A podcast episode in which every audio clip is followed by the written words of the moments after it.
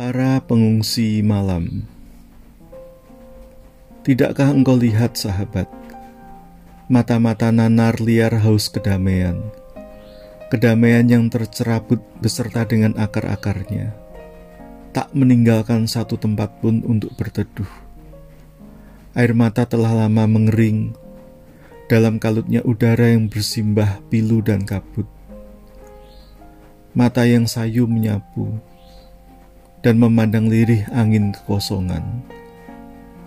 Tangis bayi dalam gendongan yang tak menemukan riangnya canda dan senyuman. Seorang bocah telah menitikkan setetes darah dan memandang luka di pelukan bunda. Maut telah berjaga-jaga menjemput. Pada serangan berikut mungkin mereka akan diangkut Masa depan dan harapan tertumbuh pada hitungan detik ke depan dan terjerembab kembali pada dentuman berikutnya. Mata mereka masih memandang angkasa, tetapi hati sudah berkalang tanah.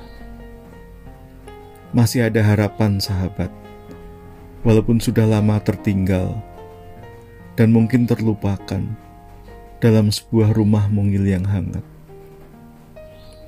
Jakarta 2003